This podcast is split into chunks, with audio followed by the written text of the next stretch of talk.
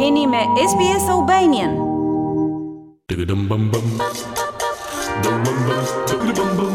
Janë publikuar tashmë rezultatet e regjistrimit të popullsisë të vitit 2021 dhe të dhënat po tregojnë disa ndryshime të mëdha në popullsinë e Australisë. Nga sfondi kulturor tek feja, Australia po bëhet gjithnjë dhe më e larmishme, dhe popullsia e saj është dyfishuar gjatë pesëdhjetë viteve të fundit në njëzet e pesë pikë pesë milionë banorë.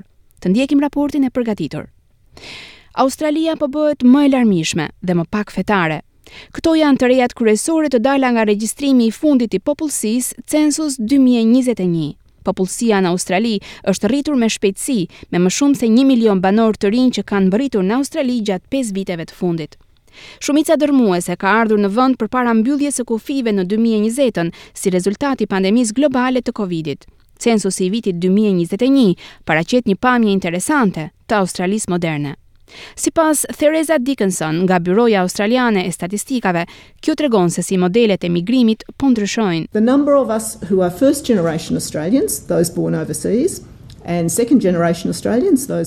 Është rritur numri i atyre që kanë një prind të lindur jashtë shtetit, numri i njerëzve që janë brez i parë si dhe brez i dytë australian, si dhe numri i të lindurve jashtë Australisë. Rritjen më të madhe për vendlindjen jashtë Australisë e zuri India, e cila tashmë është gjithashtu vendi i tretë më i madh i lindjes në përgjithësi pas Australisë dhe Anglisë, e ndjekur nga Kina dhe Zelanda e Re.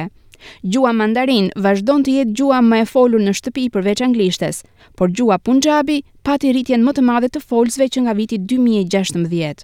Demografja në Universitetin Kombëtar Australian, doktoresh Liz Allen, thotë se këto shifra mund të mos e pasqyrojnë drejt natyrën e vërtetë të multikulturalizmit në Australi. While the majority of Australians are either uh, themselves born overseas or their parents born overseas, that's just the tip of the iceberg. Edhe pse shumica e australianëve janë ose vetë të lindur jashtë shtetit ose kanë prindër të lindur jashtë shtetit, kjo është vetëm maja e ajsbergut. Ka shumë më tepër australianë që identifikohen me një status të dyfishtë, si për shembull aziatiko-australian, afrikano-australian dhe kështu me radhë. Përqindja e brezave është rritur gjithashtu për milenialët që janë brezat e moshës njëzet e pesë dhe tridhjetë e nëntë vjeç, të cilët janë tashmë pothuajse në të njëjtin nivel numri me baby boomers të moshës pesëdhjetë e pesë dhe shtatëdhjetë e katër vjeç. Të dy grupet kanë secili rreth pesë pikë katër milionë njerëz, por milenialët kryesojnë me disa mijëra njerëz më shumë. Regjistrimi i vitit dy mijë e njëzet e një shënoi pesëdhjetë vjet që kur aborigjenët dhe banorët e ishullit Torres Strait u numëruan për herë të parë në census. Këtë herë, numri i të anketuarve që u identifikuan si aborigjenë dhe ishullorë të Torres Strait u rrit me njëzet e pesë pikë dy për qind që nga viti dy mijë e gjashtëmbëdhjetë në më shumë se tetëqind e dhjetë mijë njerëz ose tre pikë dy për qind të popullsisë. Doktoreshë Liz Allen thotë se shifrat nuk janë befasuese. We're seeing people more willing to report their their identity as being First Nations Australian. Shohim që njerëzit janë më të gatshëm të raportojnë identitetin e tyre si australianë të kombeve të parë dhe krahas kësaj po shohim një rritje të numrit të lindjeve tek australianët e kombeve të parë.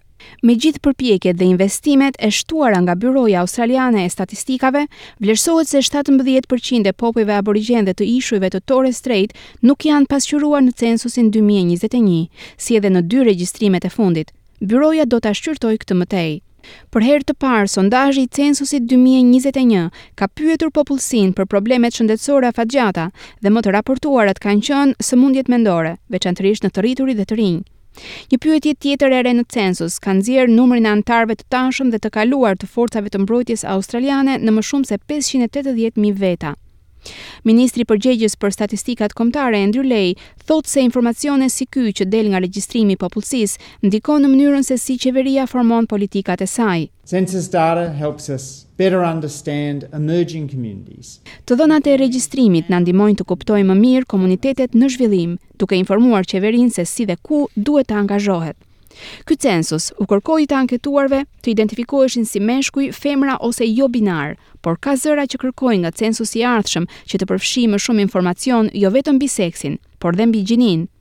Doktor David Gruen thotë se është qeveria dhe parlamenti që krijojnë pyetjet dhe ish-qeveria e koalicionit udhëzoi Byronë e Statistikave që të pyeste për seksin. por jo për gjininë e anketuesve dhe jo për orientimin seksual, gjë që mund të ndryshojë në sondazhin e ardhshëm.